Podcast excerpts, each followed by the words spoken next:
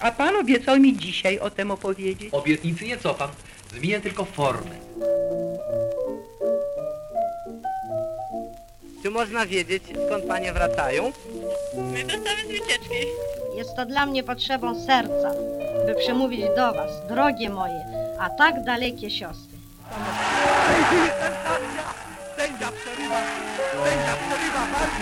Olbrzymie tłumy zalegające plac Napoleona wiwatują na cześć marszałka. Rezolucja! że świat nie zgodził się, by siła rządziła nad prawem.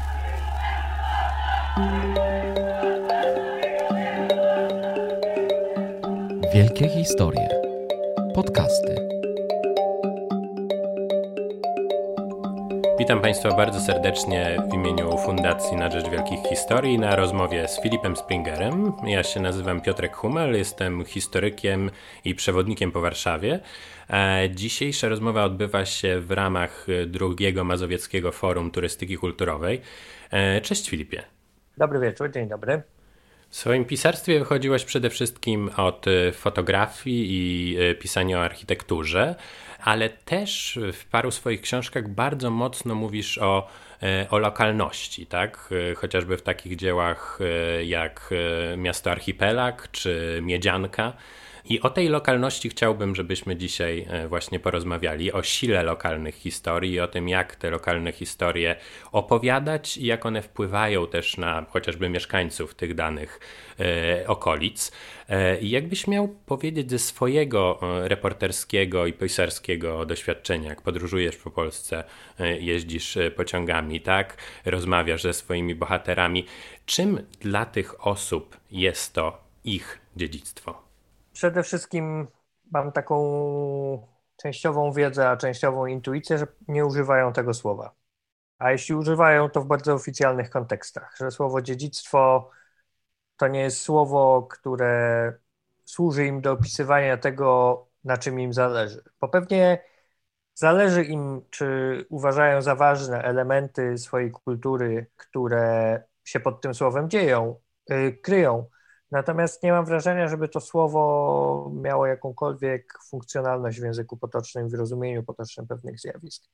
No i teraz co rozumieją? Myślę, że, że nie da się powiedzieć jednoznacznie, co wszyscy ludzie albo co ludzie w tych mniejszych czy większych, czy no ja podróżowałem dużo po mniejszych, po Polsce mniejszych miast, a te mniejsze to uważam za te, które nie są tymi największymi. E, Dużo jeżdżę po różnego rodzaju kątach, które nie są miejskie, tylko bardziej wiejskie. I poza taką wykładnią, oczywiście, która mówi, że to dziedzictwo na, na nie składa się, nie wiem, kultura materialna, składa się zwyczaje, składa się właśnie kuchnia i tego typu rzeczy, to, mm, ale to się przejawia z reguły w oficjalnych sytuacjach. Natomiast mam takie poczucie, że poza tą oficjalną wykładnią, która jakoś nam kategoryzuje to pojęcie, to każdy rozumie bardzo po swojemu to zagadnienie. I oczywiście dzisiaj mamy do czynienia z pewnego rodzaju przejawami odżywania różnego rodzaju zwyczajów, czy może nawet nie zwyczajów, a pewnych form spędzania czasu z przeszłości. No nie wiem, taka furorę robią, nie wiem, bo ja w ogóle w życiu ze dwa razy zatańczyłem, ale furorę przecież robią muzyka ludowa e, i potańcówki. I to też przy Mhm. okazji archipelagu e, dowiedziałem się o całym olbrzymim ruchu ludzi, którzy kultywują muzykę ludową, inspirują się, ale nie w ten folklorystyczny taki sposób tego zespołu Mazowsze, tylko w taki bardziej żywy jednak. E, Kultywują e, to na różnego rodzaju sposoby i próbują się tym inspirować dla współczesnej muzyki i to jest jakaś forma też obcowania z tym dziedzictwem. Ja uważam na przykład, że nie do końca traktuje się to, czym ja się zajmuję najbardziej, czy zajmowałem dużo, czyli architekturę jako element swojego dziedzictwa, czy w ogóle kultury. Bo jeżeli mówimy oczywiście o budynku, który jest zabytkiem, to tak, to jeszcze komuś przejdzie to przez gardło. Ale na przykład w odniesieniu do działań architektonicznych przestrzeni, które są całkowicie współczesne, to nie mam takiego wrażenia, żebyśmy traktowali to jako manifestację własnej kultury, a przez to element dziedzictwa. To znaczy traktujemy budynki bardzo praktycznie jako skorupy, które pozwalają nam chronić się przed deszczem i chłodem i spędzać czas e, w cieple, a to źle, bo one i tak są przejawem naszej kultury i jak się na nie zaczyna patrzeć w taki sposób, to zaczyna się myśleć smutno o tej kulturze. To jest bardzo ciekawe, bo coś, co traktujemy w kategoriach historycznych jako element dziedzictwa, w kategoriach współczesnych już nie. To znaczy uważamy, że to materialne, architektoniczne dziedzictwo, które po nas zostanie, to ono się teraz nie wytwarza, że ono się wytworzyło, nie wiem, dwa wieki temu i już w ogóle tyle. To, co powstaje teraz, nie, nie jest naszym dziedzictwem. No jednak jest, tylko, znaczy będzie. Na to chyba też się nakłada to, że na te tereny po wojnie przeprowadzili się ludzie z nimi niezwiązani, tak? I to jest przestrzeń dla nich, która też była obca i to nie do końca jest nasza architektura. Ja teraz siedzę nad książką, która trochę mówi o tym, o czym powiedziałeś. Ale też z wcześniejszych, ja, ja nigdy nie ukrywałem, że mnie najbardziej ciągnie do tych rejonów Polski, które przed 1945 rokiem należały do Niemiec.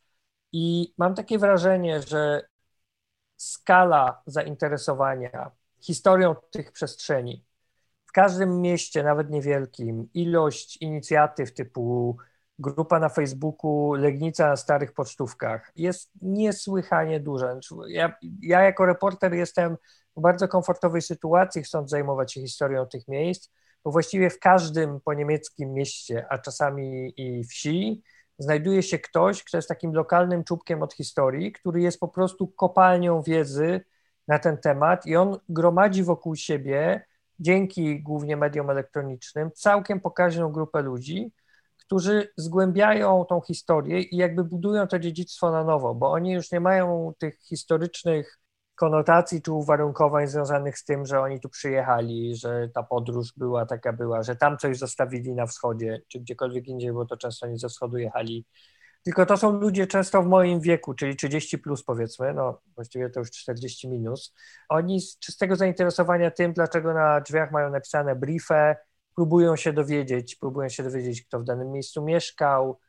I tu docieramy do bardzo ciekawego zagadnienia, które myślę, że powinno się o wiele bardziej eksponować, takie mam znowu taką intuicję, niż samo słowo dziedzictwo. Chociaż zrozumiem z kolei, że, że jest to obarczone pewnym znaczeniowym problemem, bo jest to pojęcie milie historii, którym posługują się e, coraz częściej e, ludzie zajmujący się konserwacją i, i dziedzictwem, które mówi, że to dziedzictwo nie jest rozumiane tylko w kategoriach materialnych czy kategoriach no, jakiejś tradycji, tylko że to jest właściwie ogół wszystkiego, co działo się w danym miejscu.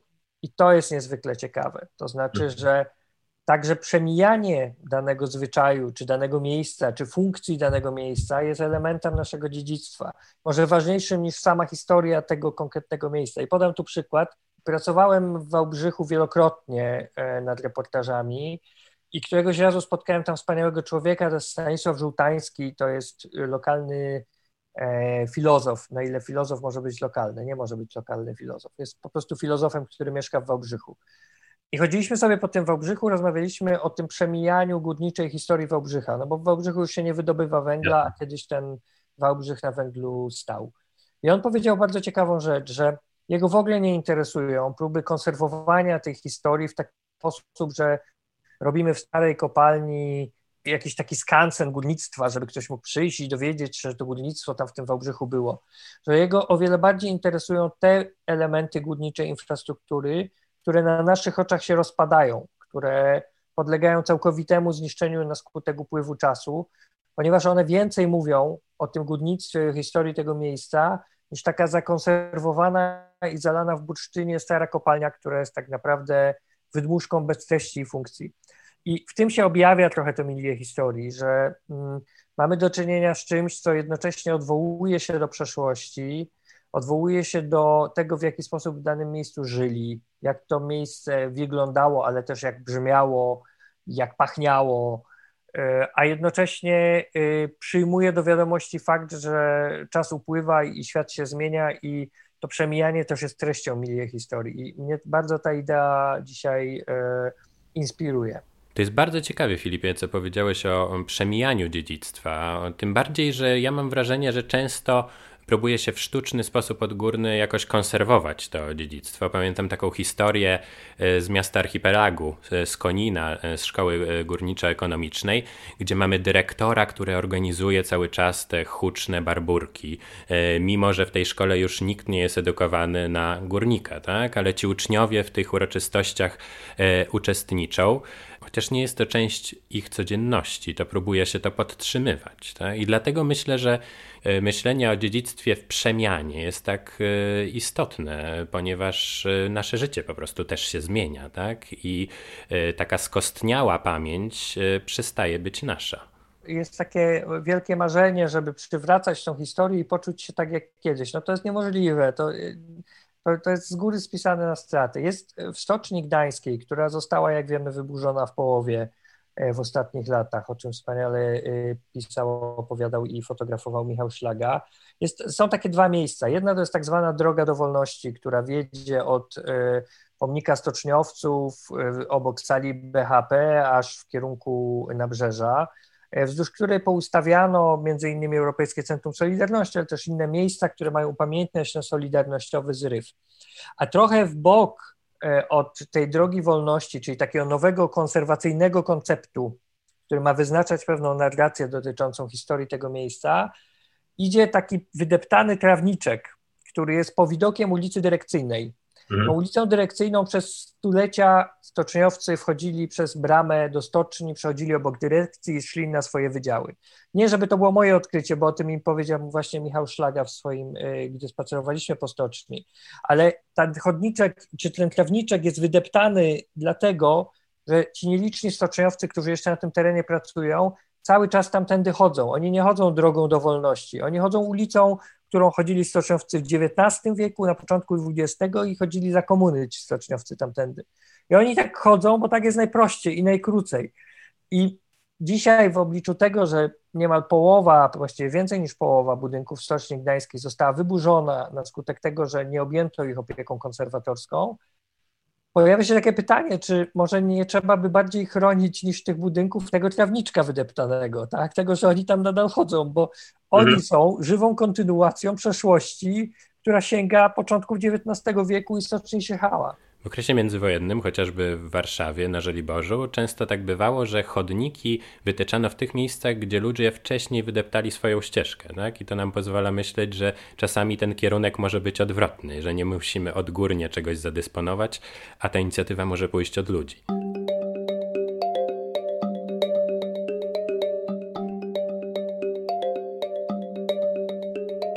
Zaczęliśmy od tego, co ludzie uznają za swoje dziedzictwo, ale chciałbym, żebyśmy skupili się na konkretnym temacie, którym zajmowałeś się około 10 lat temu miedziance. Mm, o jednej z Twoich najbardziej znanych książek, która opisuje E, historię jednego z miasteczek na Dolnym Śląsku. I w takim podstawowym znaczeniu możemy powiedzieć, że jest to właściwie monografia historyczna.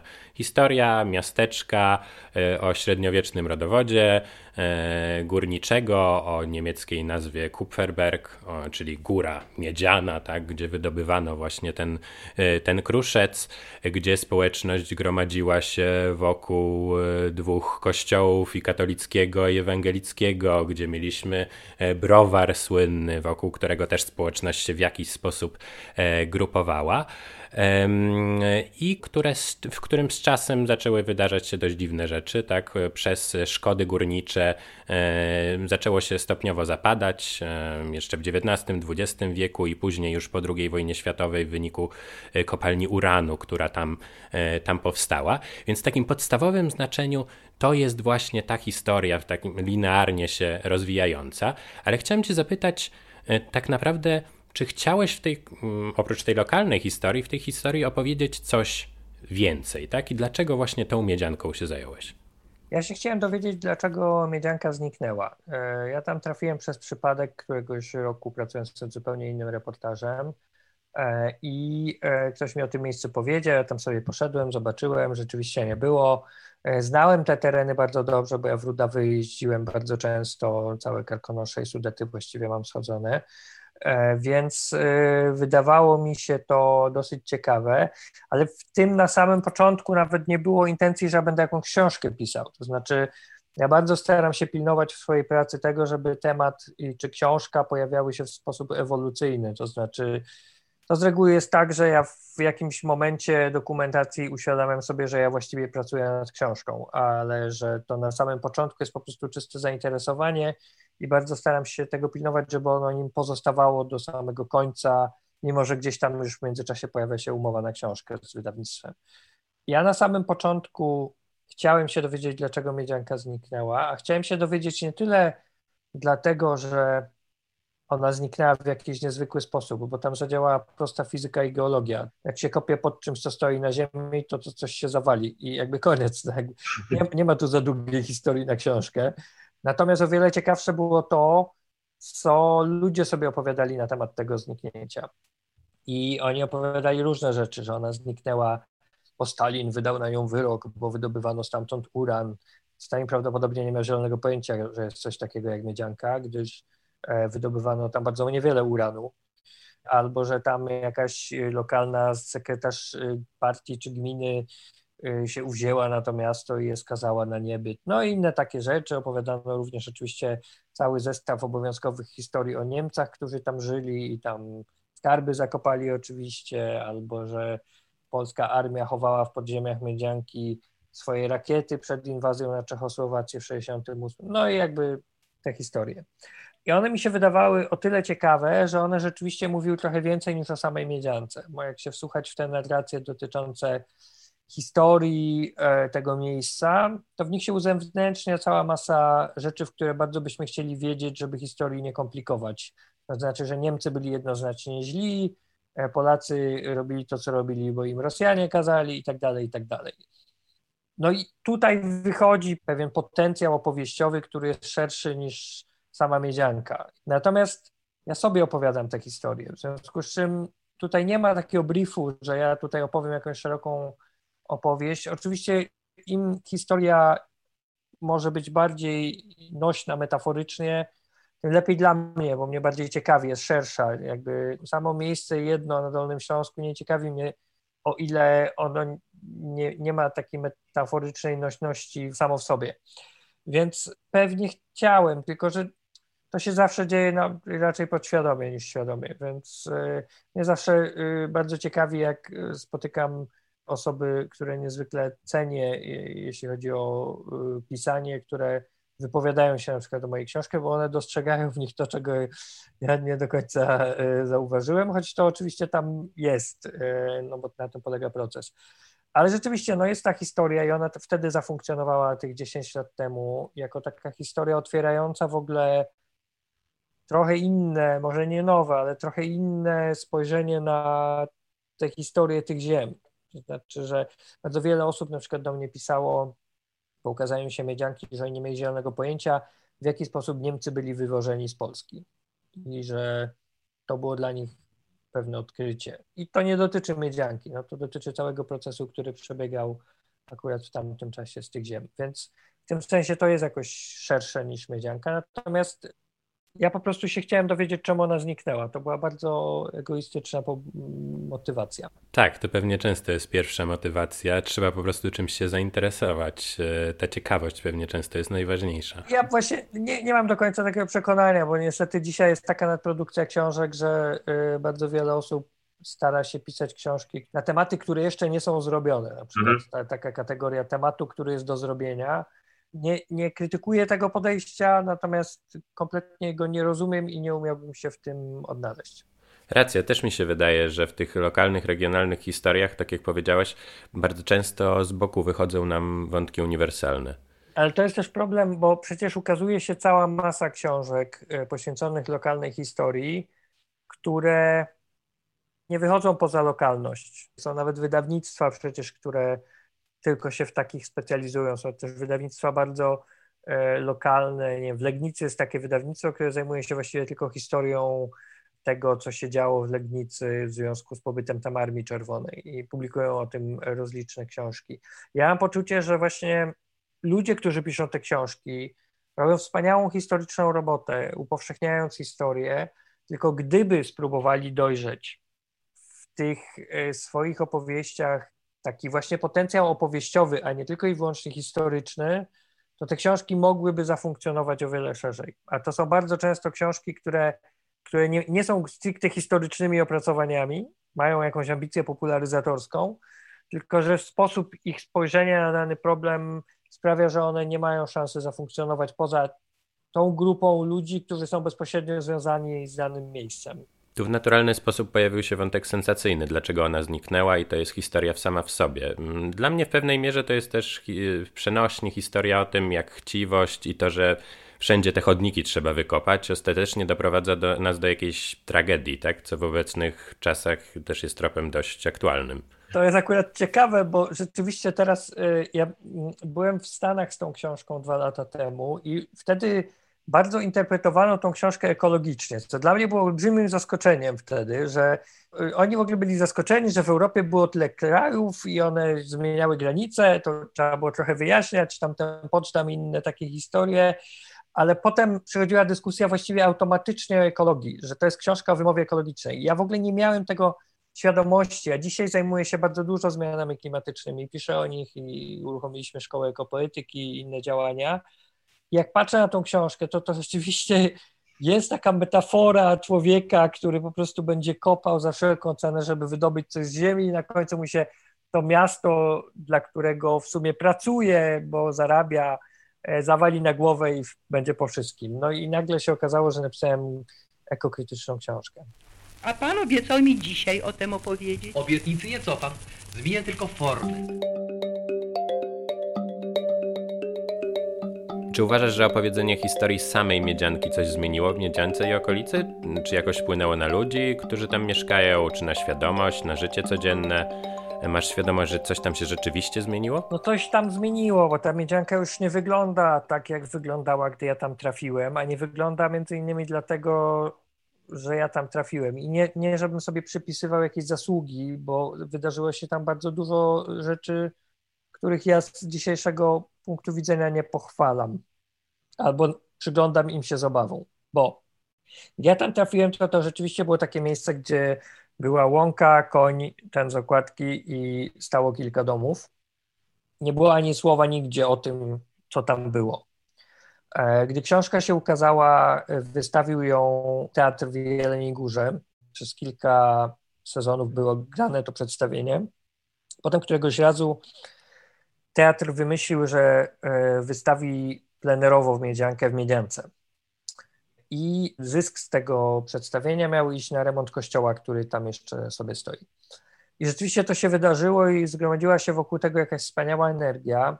Na jakby fali tej energii myśmy uznali z grupą przyjaciół z Instytutu Reportażu, ale też e, z przyjaciół e, tam z Miedzianki, że może trzeba tam zrobić coś więcej niż to jednorazowe wydarzenie. I zaczęliśmy tam robić festiwal.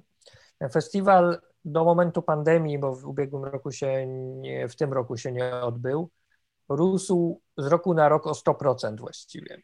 Możliwości przestrzenne Miedzianki są jakie są.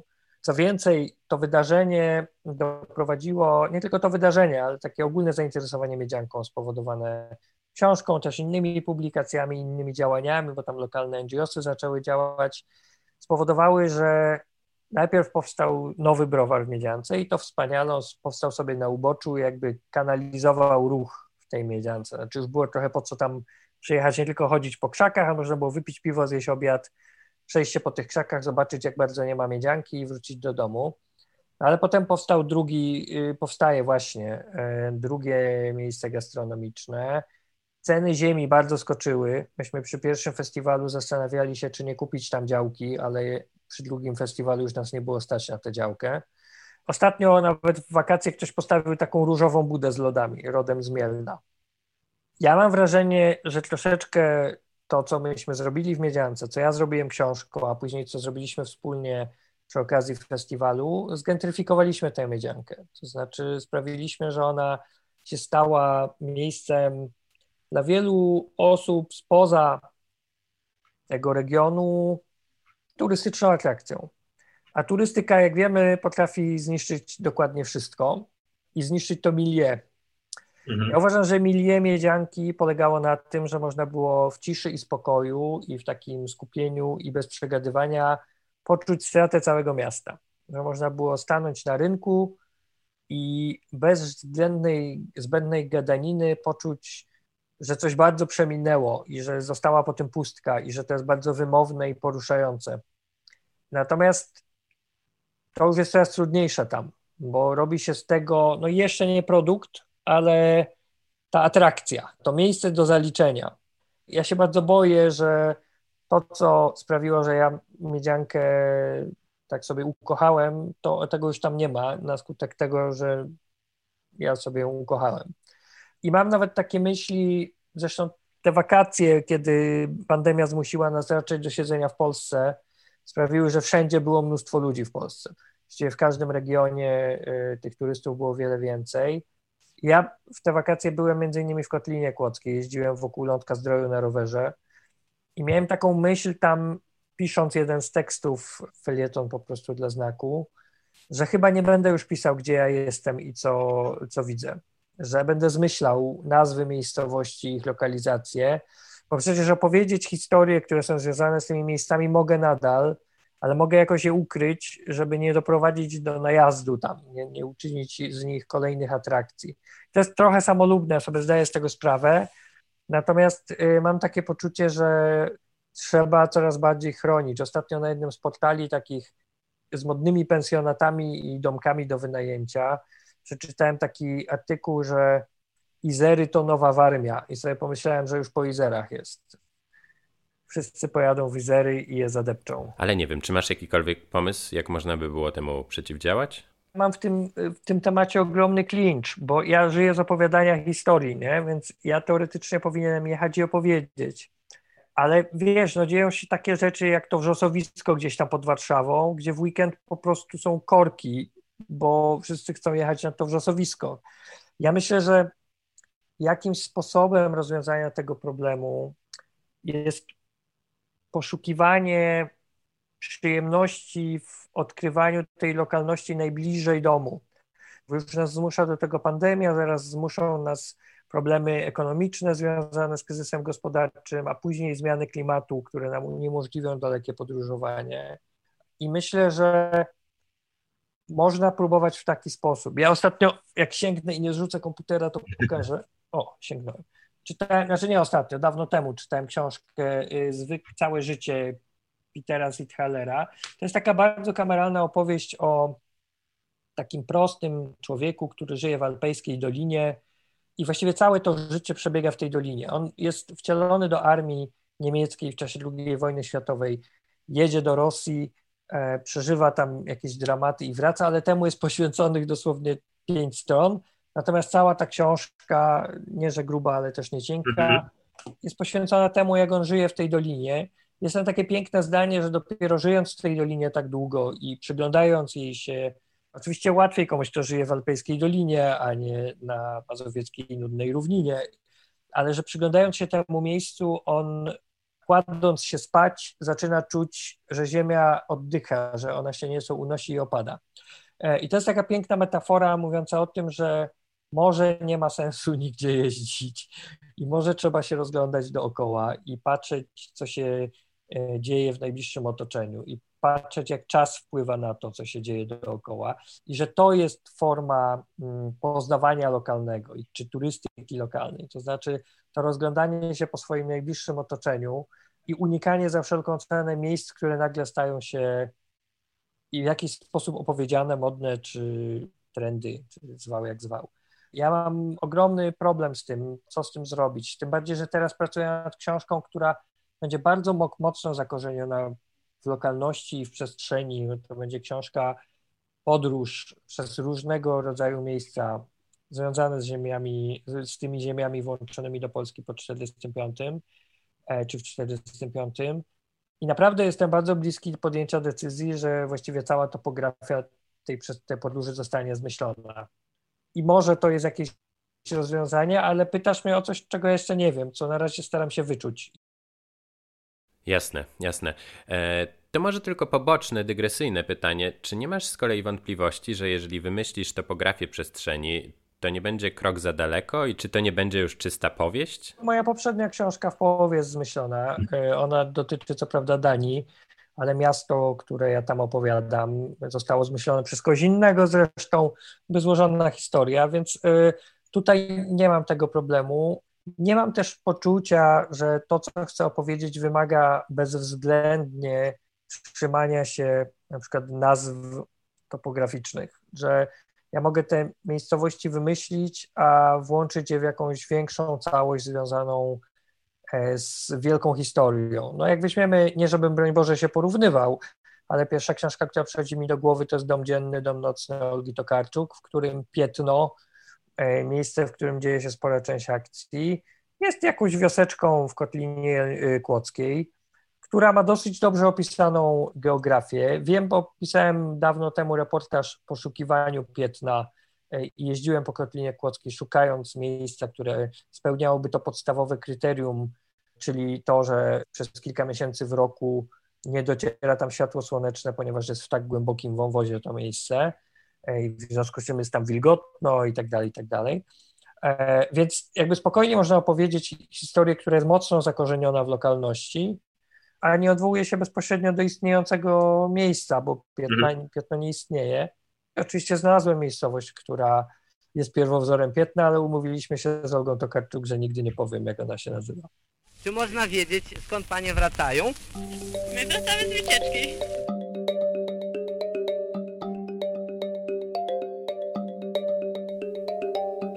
Wspomniałeś też o tym, żeby odkrywać tę lokalność najbliżej nas. E, czy gdy jeździsz do takich miejsc niepozornych, e, mógłbyś nam powiedzieć, gdzie w takich miejscach kierujesz swoje pierwsze kroki, na co zwracasz uwagę, jak patrzysz na otaczającą przestrzeń, e, żeby z niej jak najwięcej wziąć? No więc na przykład, jednym z moich takich kluczy do rzeczywistości, które sprawiają, że ja w miejscu, o którym nie wiem nic, zaczynam się zahaczać o coś, a tak pracowałem przy mieście archipelagu, że przyjeżdżałem do miasta Sierac i nie miałem zielonego pojęcia o Sieradzu. To jest na przykład słuchanie lokalnego rapu. To jest dosyć bolesne, gdyż lokalny rap często nie jest najwyższych lotów, ale ci raperzy mają dwie cechy, które są dla mnie bardzo ważne. Pierwsza jest taka, że rap jest zawsze zakorzeniony w jakiejś lokalności. Jest moje osiedle, moja ulica, co prawda znam takich raperów, którzy przyjeżdżali na przykład do Wałbrzycha kręcić teledyski o tym, że jesteśmy z Wałbrzycha i ją. Tymczasem wszyscy przyjeżdżali z Wrocławia, którym już tam mieszkali i jakby rapowali, że nigdy nie opuszczą Wałbrzycha, a później wyjeżdżali do domu do, do Wrocławia. No ale jakby zostawmy to na boku.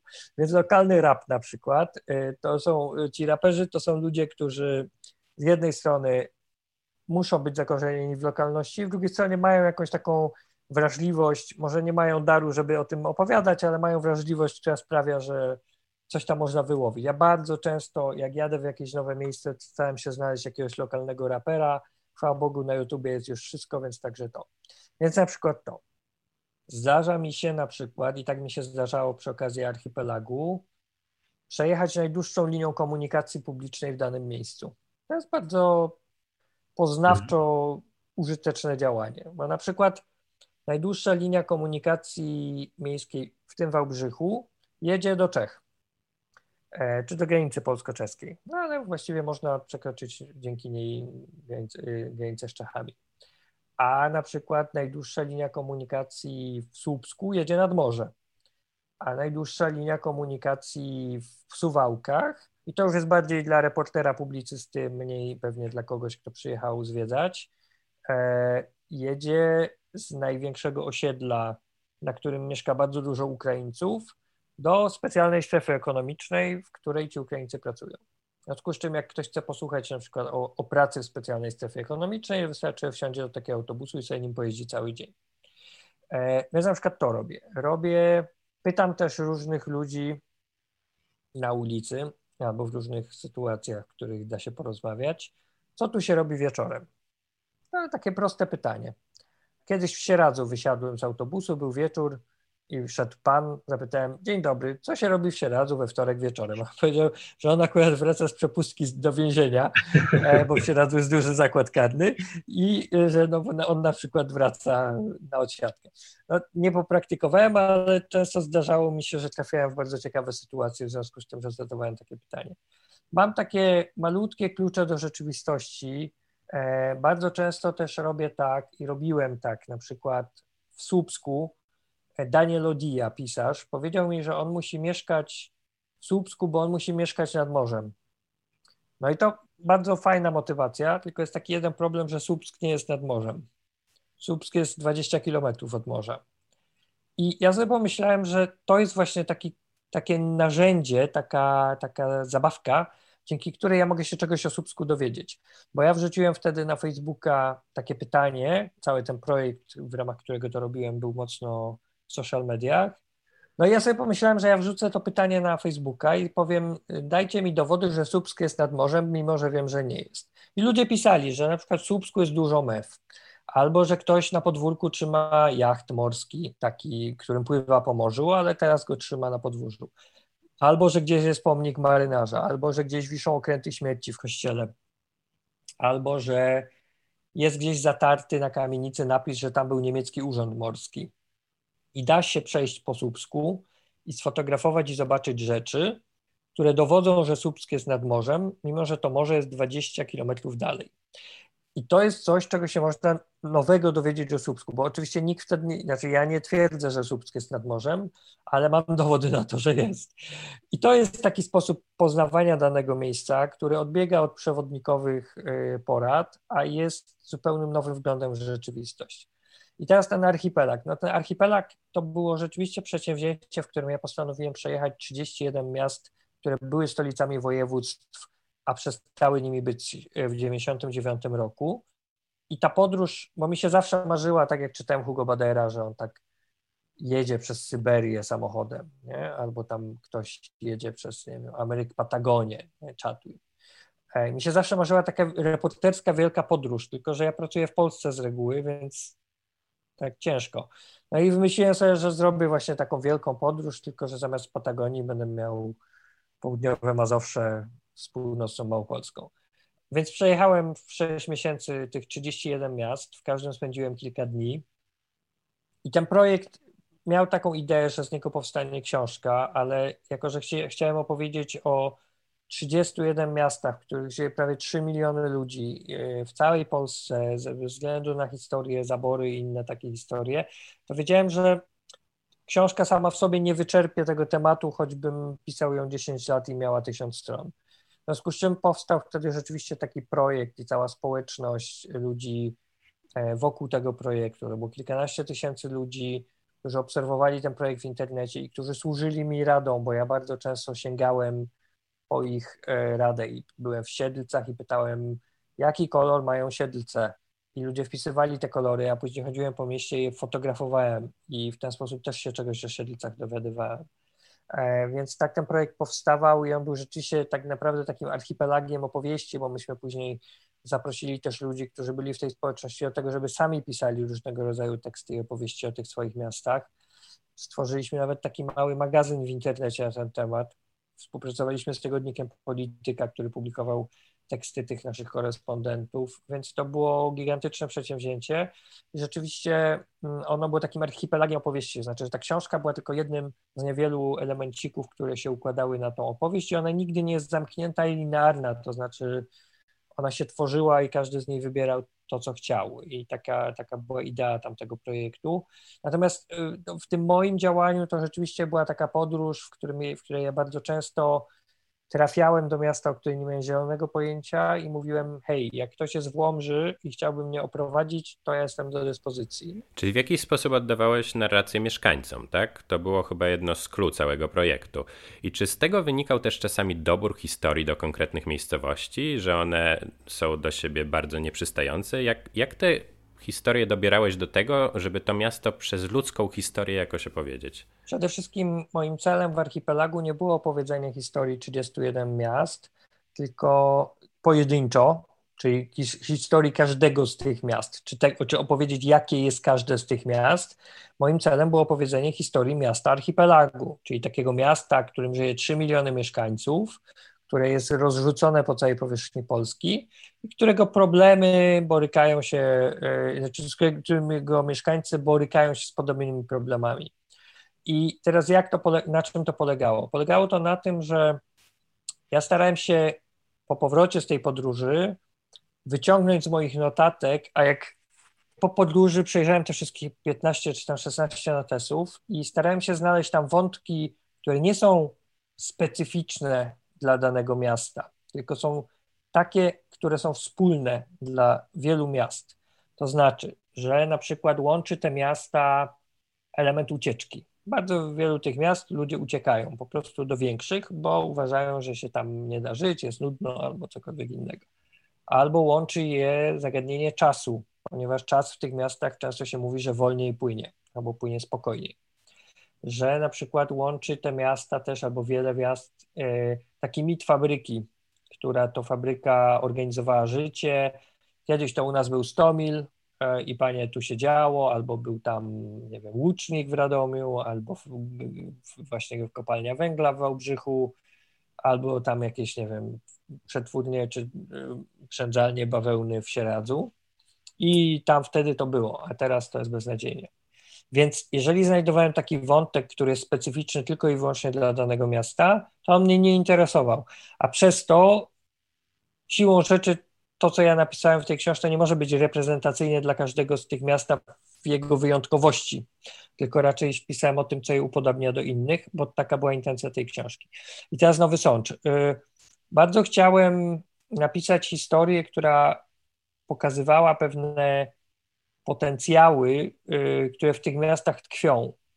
Te potencjały bazują bardzo często na silnej społeczności lokalnej, takiej, która organizuje się, ale której też się łatwo zorganizować, bo wszyscy się znają, współpracują i wszystkim zależy na tym, co się dzieje w danym mieście, bo mają blisko i łatwiej się dosyć, nie wiem, tak mi się wydaje, że trudniej się utożsamić z całą Warszawą, a trochę łatwiej z jej dzielnicą na przykład. Nie? I to tak samo trochę działa w przypadku e, mniejszych miast, że łatwiej się z takim mniejszym utożsamiać. Zresztą rozliczne teorie urbanistyczne i społeczne mówią, że takie najlepsze jednostki osadnicze to jest 60 do 100 tysięcy mieszkańców. Mówiłeś, że te z zaangażowania ludzi z danych miejscowości te e, historie zostały skonstruowane. To też skojarzyło mi się z naszą aplikacją Totuby, wyprodukowaną przez Wielkie Historie, e, która jest taką aplikacją geolokalizacyjną, gdzie na mapce użytkownicy tej aplikacji mogą dodać pineskę, opisać historię, która z jakiegoś względu jest dla nich ważna. E, oczywiście na samym początku ym, zauważyliśmy, że jest dużo takich klasycznie rozumianych miejsc pamięci, czyli krzyży, miejsc marteologii, ale potem zaczęły się pojawiać bardzo różne historie i to trochę jest taki też przyczynek do tego, e, żeby pomyśleć, co dla ludzi jest rzeczywiście ważne lokalnie i o czym oni chcą powiedzieć. Na przykład zamieścili historię wygiętej sośnie falenickiej albo sklepie, który jest jeszcze przedwojennym sklepem i wciąż jest dla tej społeczności lokalnej ważny. E, czy w tego typu projektach internetowych widzisz jakiś mm, potencjał, gdzie ludzie mogliby opowiadać swoje historie? Tak, ale to zależy od zdolności do opowiadania historii, niestety. E, ja korzystałem z takiego portalu pracując w Danii e, nad książką poprzednią. To się nazywa w Danii 1000 Stories albo Histories, po duńsku mniejsza z tym. E, I jest tam ten portal po angielsku i po, po duńsku. I to rzeczywiście jest taki portal, na którym e, jest od groma tych pinesek, gdzie można jadąc do danego miasta sobie przejrzeć te wszystkie pineski. One mają ogromny e, wkład w takie rozeznanie opowieściowe danego miejsca. Dla mnie jako reportera taki portal jest niezwykle ciekawy. Niestety to zależy od takich zdolności do patrzenia się historii e, w danej przestrzeni. Bo ja zawsze porównuję to z takim archiwum, jest takie amerykańskie archiwum społeczne, które nazywa się Story Corps. To jest taki, taki, taka inicjatywa ogromna, bazująca już na kilkunastu jeżdżących po całych Stanach studiach nagraniowych w ciężarówkach, do których oni zapraszają ludzi różnych stanów, klas, e, ras i E, no, naprawdę cały przegląd społeczny i zadając im proste pytania, na przykład, żeby powiedzieli coś o miłości swojego życia, albo o swoim pierwszym dniu w pracy, albo pierwszym dniu w szkole, albo ostatnim dniu w szkole, albo swoim ojcu. Takie bardzo proste pytania z życia. I oni to mówią i to są niezwykle spójne, spójnie opowiedziane historie. To wynika trochę też z systemu kształcenia w Stanach, gdzie bardzo duży kładzie, nacisk kładzie się na taką formę czy zdolność formułowania przekonującego przekazu, takiego, który zawiera puentę, który jest, jest świadomy tym, czym się niesie historia. I myślę, że takie projekty, jakby stworzenie takiego narzędzia ma ogromny, ogromny sens, bo ono pozwala się rozeznać w przestrzeni, jakby przyczepić się, czy spojrzeć na daną przestrzeń pod kątem tych pinesek i zobaczyć, co pod nimi się kryje. Natomiast one wymagają też działalności edukacyjnej, to znaczy, żeby te miejsca czy te narzędzia się nie zaśmieciły rzeczami, które nie mają nośności opowieściowej. I to jest oczywiście zawsze problem z tym, na ile to ma być demokratyczne i społeczne, na ile ma być moderowane i moglibyśmy sobie tutaj długo o tym podyskutować. Natomiast bardzo dużym ryzykiem takich, y, dla takich narzędzi jest y, zaśmiecenie ich miejscami czy, czy które nie mają opowieściowego potencjału, bo są po prostu.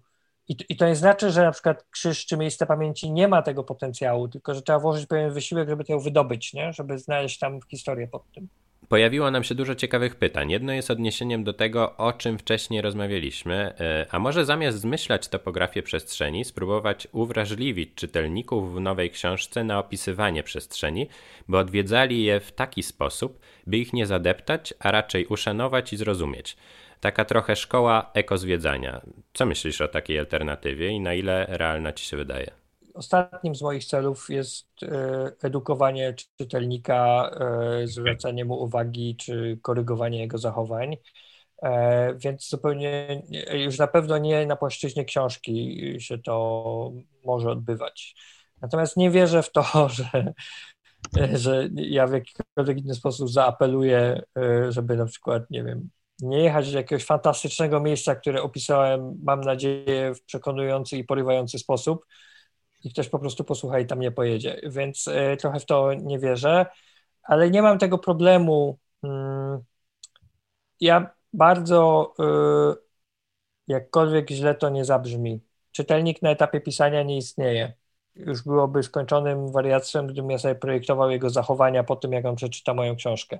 Nie mam na to żadnego, absolutnie żadnego wpływu, jak się ktoś zachowa czytając moją książkę, co on o niej pomyśli, ani jakie działania ta książka w nim wyzwoli. Jest też pytanie o warsztat pisarski. Y, kto miał na Pana największy wpływ i jakie są Pana inspiracje? Przy każdej książce to się zmienia, pracując nad, miast, y, nad e, Miedzianką. Takim wzorcem i cały czas pozostają, pozostaje ta książka wzorcem, jest obwód głowy Włodzimierza Nowaka.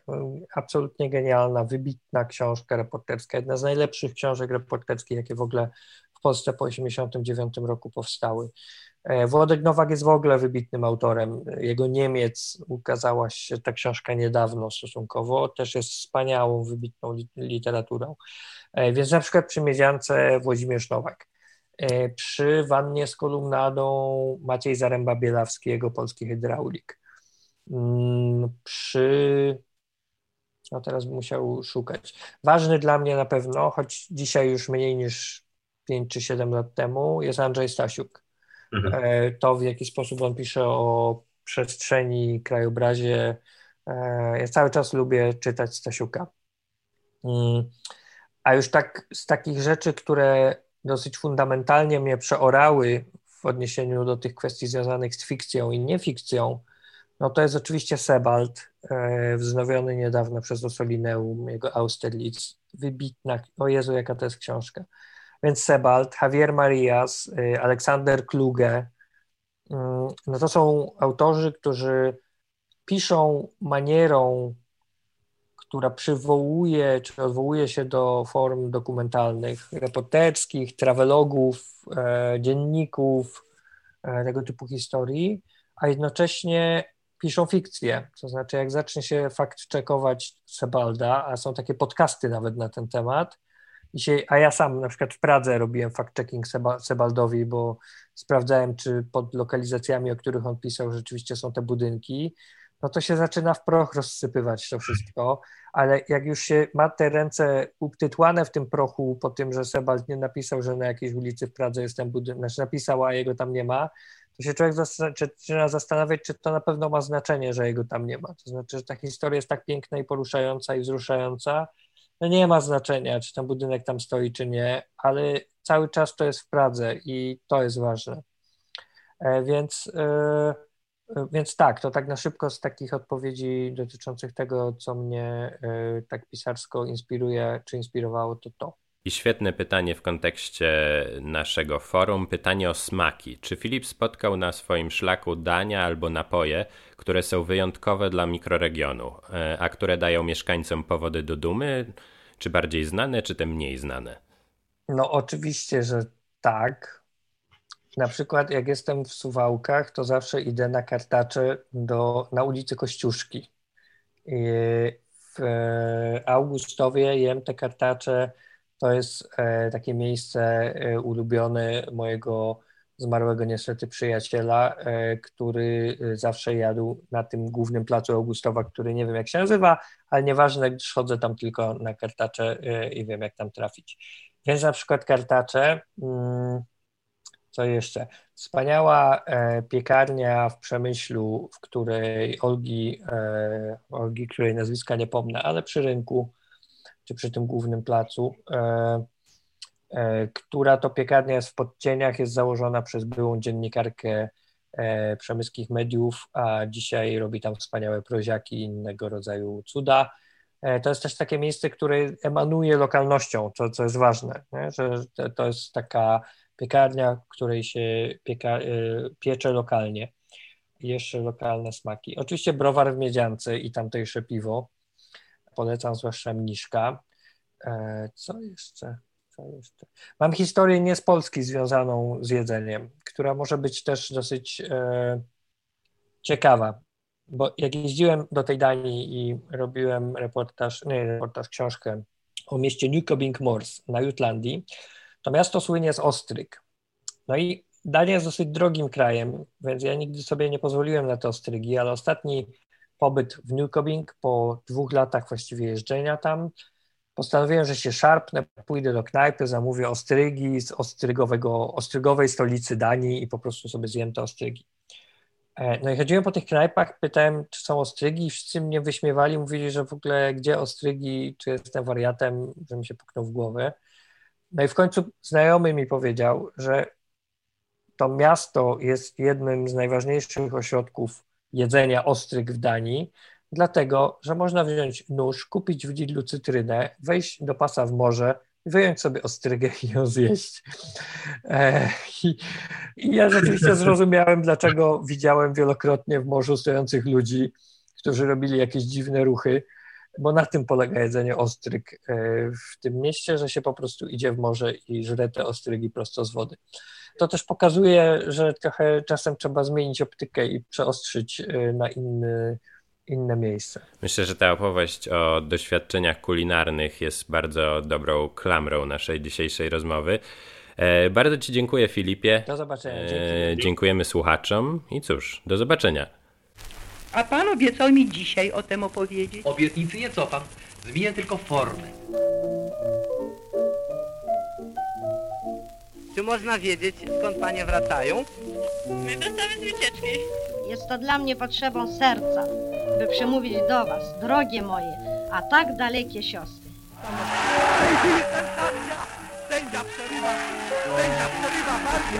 Olbrzymie tłumy zalegające plac Napoleona wiwatują na cześć marszałka. Rezolucja! Że świat nie zgodził się, by siła rządziła nad prawem.